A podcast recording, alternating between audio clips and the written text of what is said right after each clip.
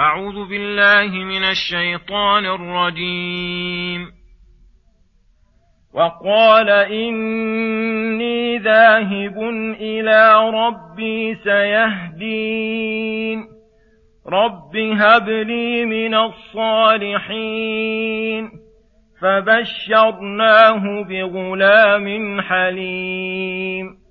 فلما بلغ معه السعي قال يا بني إني أرى في المنام أني أذبحك فانظر ماذا ترى قال يا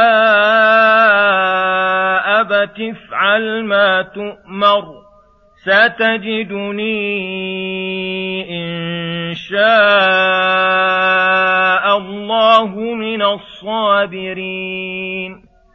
فلما أسلما وتله للجبين وناديناه أن يا إبراهيم قد صدقت الرؤيا أنا كذلك نجزي المحسنين ان هذا لهو البلاء المبين وفديناه بذبح عظيم وتركنا عليه في الاخرين سلام على إبراهيم. كذلك نجزي المحسنين. إنه من عبادنا المؤمنين. وبشرناه بإسحاق نبيا من الصالحين. وباركنا عليه وعلى إسحاق ومن ذريتهما محسن وظالم لنفسه مبين. بسم الله الرحمن الرحيم.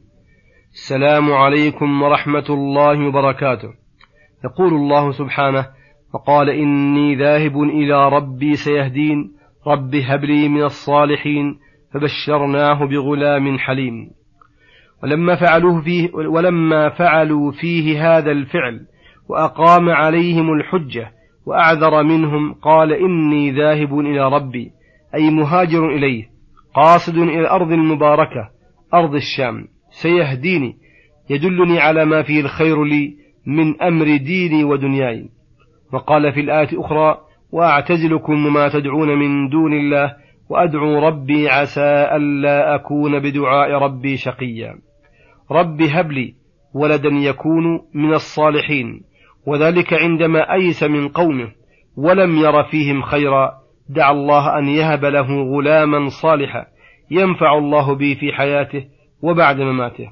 فاستجاب الله له وقال فبشرناه بغلام حليم وهذا إسماعيل عليه السلام بلا شك فإنه ذكر بعده البشارة وبإسحاق ولأن الله تعالى قال في بشراه بإسحاق فبشرناها بإسحاق ومن وراء إسحاق يعقوب فدل على أن إسحاق غير الذبيح ووصف الله إسماعيل عليه السلام بالحلم وهو يتضمن الصبر وحسن الخلق وسعة الصدر والعفو عمن جنى فلما بلغ الغلام معه السعي أي أدرك أن يسعى معه وبلغ سنا يكون في الغالب أحب ما يكون لوالديه قد ذهبت مشقته وأقبلت منفعته. فقال له إبراهيم عليه السلام إني أرى في المنام أني أذبحك. أي قد رأيت في النوم والرؤيا أن الله يأمرني بذبحك ورؤيا الأنبياء وحي فانظر ماذا ترى.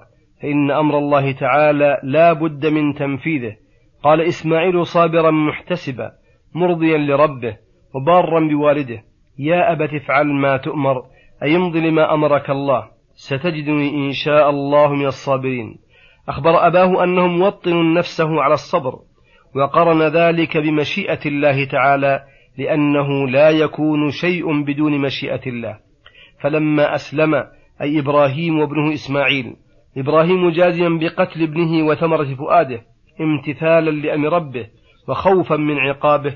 والابن قد وطن نفسه على الصبر وهانت عليه في طاعة ربه ورضا والده. وتله للجبين أي تل إبراهيم إسماعيل على جبينه ليضجعه فيذبحه وقد انكب لوجهه لئلا ينظر وقت الذبح إلى وجهه. وناديناه في تلك الحال المزعجة والأمر المدهش أي يا إبراهيم قد صدقت الرؤيا أي قد فعلت ما أمرت به فإنك وطنت نفسك على ذلك وفعلت كل سبب ولم يبق إلا إمرار السكين على حلقه. إنا كذلك نجزي المحسنين في عبادتنا المقدمين رضانا على شهوات أنفسهم. إن هذا الذي امتحنا به إبراهيم عليه السلام لهو البلاء المبين أي الواضح الذي تبين به صفاء إبراهيم وكمال محبته لربه وخلته. فإن إسماعيل عليه السلام لما وهبه الله لإبراهيم أحبه حبا شديدا وهو خليل الرحمن والخلة أعلى أنواع المحبة وهو منصب لا يقبل المشاركة ويقتضي أن تكون جميع أجزاء القلب متعلقة, متعلقة بالمحبوب. فلما تعلقت شعبة من شعب قلبه بابنه إسماعيل أراد تعالى أن يصفي وده ويختبر خلته فأمره أن يذبح من زاحم حبه حب ربه فلما قدم حب الله وآثره على هواه وعزم على ذبحه وزال ما في القلب من المزاحم بقي الذبح لا فائدة فيه فلهذا قال إن هذا لهو البلاء المبين وفديناه بذبح عظيم.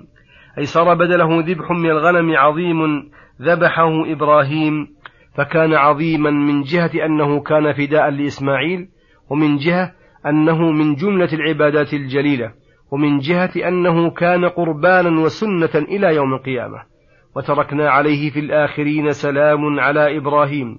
أي وأبقينا عليه ثناء صادقا في الآخرين كما كان في الأولين. فكل وقت بعد إبراهيم عليه السلام فإنه فيه محبوب معظم مثني عليه.